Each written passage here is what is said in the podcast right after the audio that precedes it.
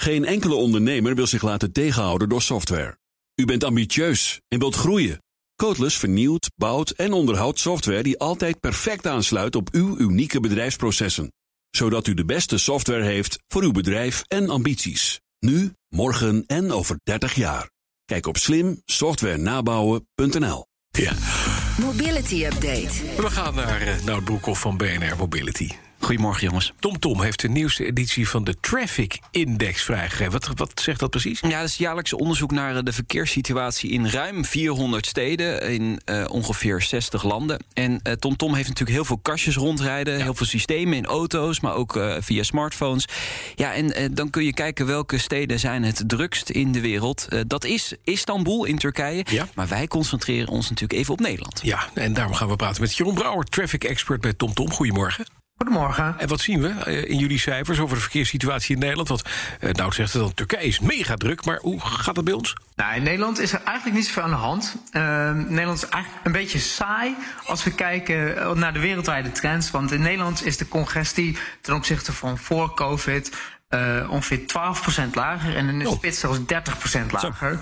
En dat is totaal anders dan in steden als Istanbul en Moskou, waar ja. de congestieniveaus juist hoger zijn dan voor COVID. Oh, dus wat dat betreft hebben het wel, is, heeft COVID in die zin wel geholpen dat ja. we wat beter kunnen doorrijden? Nee, dat, dat klopt helemaal. En dat zien we ook terug in onze statistieken. Want we zien echt dat de, de spitsen eigenlijk zijn verdwenen. Mm -hmm. Uh, in de spits zien we dus 30% minder uh, files. Ja. Maar wat we wel zien is dat we er uh, in het weekend op uittrekken. En in de, in de weekenden zien we juist weer meer verkeer.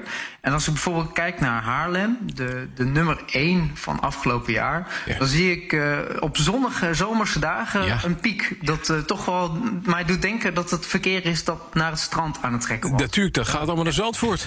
ja, door Haarlem heen. Ja, dit zit er dik in, ja. Maar hier moeten we ook even Iwan mm. bij betrekken. Want Iwan is natuurlijk inwoner van, van Haarlem. Ja. Iwan, herken jij dit? Is nou, het druk in Haarlem? Ik reis hier altijd om half vijf naar de studio toe. Ja. Dus dan is er geen hond op de weg en kan je veel te hard door de stad heen rijden. Maar het is inderdaad, uh, overdag uh, is het inderdaad best druk in uh, Haarlem in en uit. Het is, ja, je merkt, Haarlem wordt populairder. Mensen uit Amsterdam die komen daarheen. Dus ja, het is, het is een drukke stad. Dat, ja. maar, meneer, meneer Brouwer, dat is even nog, nog terug naar. Want inderdaad, Haarlem heeft al wat meer druk. Met name het weekend op zonnige dagen. Maar die spitsen die af beginnen te nemen. Inderdaad is dat mogelijk een gevolg van thuiswerken. Maar blijft dat zo, is de grote vraag, hè? Ja, dat is de grote vraag. Dus wat we zien in de statistieken... Dat is dat in 2020 de congestieniveaus nog lager lagen. Dus ja. in 2021 zien we alweer een kleine, kleine stijging. En het is heel logisch dat we, dat we toch al denken dat het komt... doordat mensen meer thuiswerken. Ja, ja. En dat dat niet alleen uh, ad hoc was tijdens de lockdown... maar dat mensen ook echt een... een uh, een trend hebben gevonden van nou, één keer misschien in de week naar kantoor en de rest thuiswerken. Ja, ja.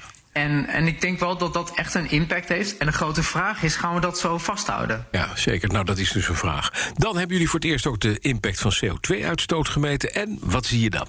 Nou, we hebben inderdaad samen met de Universiteit van Graz in, uh, in Oostenrijk een model ontwikkeld om voor vier steden in Europa de, de uitstoot door te rekenen. En dan zie je eigenlijk dat Amsterdam ten, ten opzichte van andere steden, Berlijn, Londen en Parijs, het eigenlijk best wel goed doet. Mm -hmm. En dat is, uh, dat is logisch. Amsterdam is veel kleiner, dus ja. de uitstoot is ook lager. Uh, dat is logisch omdat de congestieniveaus in Amsterdam ook redelijk beperkt zijn. Maar wat we ook zien is dat in Amsterdam ongeveer 10% van de kilometers wordt afgelegd in een elektrische auto. Ja. En dat is toch wel uh, een hoger percentage dan bijvoorbeeld in Berlijn, waar dat slechts 2%. Oké, okay. en als je dat dan doorrengt, welk effect heeft dat dan op de, op de CO2-uitstoot, die elektrische auto? Wat we dus zien, en dat is ook in Amsterdam, de minste uitstoot. En dat komt omdat er meer met elektrisch wordt gereden. Ja. We hebben ook een tool ontwikkeld waarbij we kunnen kijken van wat als er nou bijvoorbeeld een procent meer wordt gereden elektrisch. Ja. Wat is dan het uh, effect, effect, op, op, uh, op ja. de uitstoot? En dan, kijk, dan hebben we het over mega, megatonnen in totaal voor het hele Amsterdamse niveau. Maar het heeft een aanzienlijk effect. Ja. En op onze TomTom website hebben we ook een hele mooie tool gemaakt waarbij je kan kijken met een, een schuifje van hoeveel procent um, elektrisch heeft welk effect op de CO2-uitstoot. Mm -hmm. Meeste effect heeft natuurlijk gewoon thuiswerken. Gewoon niet rijden. Dat is waar. De duurzaamste reis is geen meest- reis. Is geen reis, ja, dat ja. is waar. Dank Jeroen Brouwers, traffic expert bij TomTom. We gaan nog even naar het andere nieuws. Ja. Want het kabinet moet zakelijk treinreizen meer gaan stimuleren. Ja. Komt dat van Nout Broekhoff? Nee, een meerderheid van de Tweede Kamer wil dat. Mhm. Ehm, het kabinet moet bedrijven actief gaan stimuleren om meer zakelijke reizen met de trein eh, te gaan maken. Nou, eh, voor zakelijke reizen van 700 kilometer of minder zou het spoor de norm moeten worden, vindt de Tweede Kamer. Bij heel veel bedrijven is dat op dit moment nog niet het geval. Nee. Onderzoek van de coalitie Anders Reizen en eh, Natuur en Milieu eh, wees onlangs uit dat bij 43% van de vliegreizen een afstand van minder dan 700 kilometer eh, de norm was. Dus naar Parijs, naar Londen, de korte afstanden, Berlijn. Ja, daar willen ze dus meer gas op gaan geven dat je daar de trein voor neemt. Maar ja, dan moet die trein ook aantrekkelijk zijn. Sneller, Zeker. goedkoper.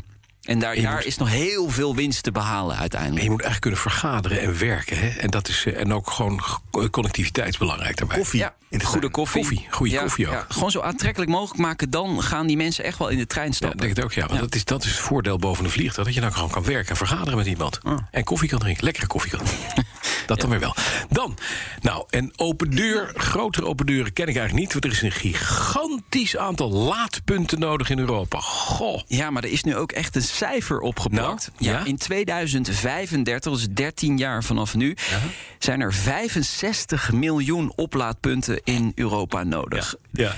En dat is dan een schatting dat Ja. er 130 miljoen elektrische auto's rondrijden in Europa. Blijkt het onderzoek van het adviesbureau Ernst Young en de branchevereniging voor de Europese stroomsector. Nou, van die 65 miljoen oplaadpunten zal zo'n 85% thuis moeten worden geïnstalleerd. Dus het gaat ook om heel veel thuisladers. Ja, dat wordt wel lastig als je vier hoog achter woont, natuurlijk. Nee, maar wacht even. Wat gaat dit betekenen voor het hele grid? Voor de, Nou, voor het, het, de stroomvoorziening, het netwerk wat hebben. Dat kan dat toch nooit aan? Dat is ook de Niet reden wat we waarom nu hebben. de branchevereniging van de Europese stroomsector nu met dit rapport aan de bel trekt van jongens, dit gaan we nooit redden. Dit is ambitie, onmogelijk. Nee, precies. Dus het is wel goed dat het een keer in kaart wordt gebracht, want heel vaak wordt gezegd er moeten veel meer palen bij. Maar ja, 100 120 euro in Amsterdam. Kan ja, het niet. Het effect ervan. Hè, wat Exact. brengt dat met zich mee? Goed, 85% eh, gaat het om thuisladers. En in 10 miljoen van de gevallen gaat het om openbare laadpunten. Dus laadpunten hier op straat. Ja, dan komen de steden helemaal vol te staan eh, met, eh, met laadpunten. Ook iets waar je niet heel erg blij van wordt. Zie jouw denk ik. schouders een beetje ophalen, Bas. Ja. Beetje... Nou, ik weet dat hier in het, in het college in Amsterdam, hè, daar zit GroenLinks, zit, zit hier in, de, in, de, in het college, willen 120.000 laadpalen uit, openbare laadpalen gaan uitrollen in Amsterdam. A, kan niet. B, wat betekent dat voor het straatbeeld? Ja.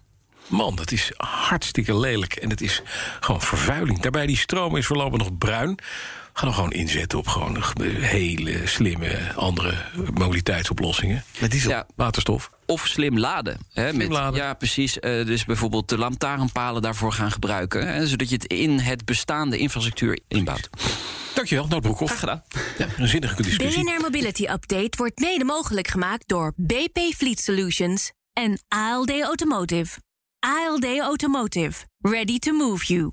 Software. Uw bedrijf kan niet zonder. Maar hoeveel u ook investeert, u loopt steeds tegen de grenzen van uw systemen. Stap daarom zonder risico's over op de software van Codeless. Die kan worden aangepast aan uw unieke bedrijfsprocessen. Welke ambities u ook heeft, uw software is er klaar voor. Kijk op slimsoftwarenabouwen.nl.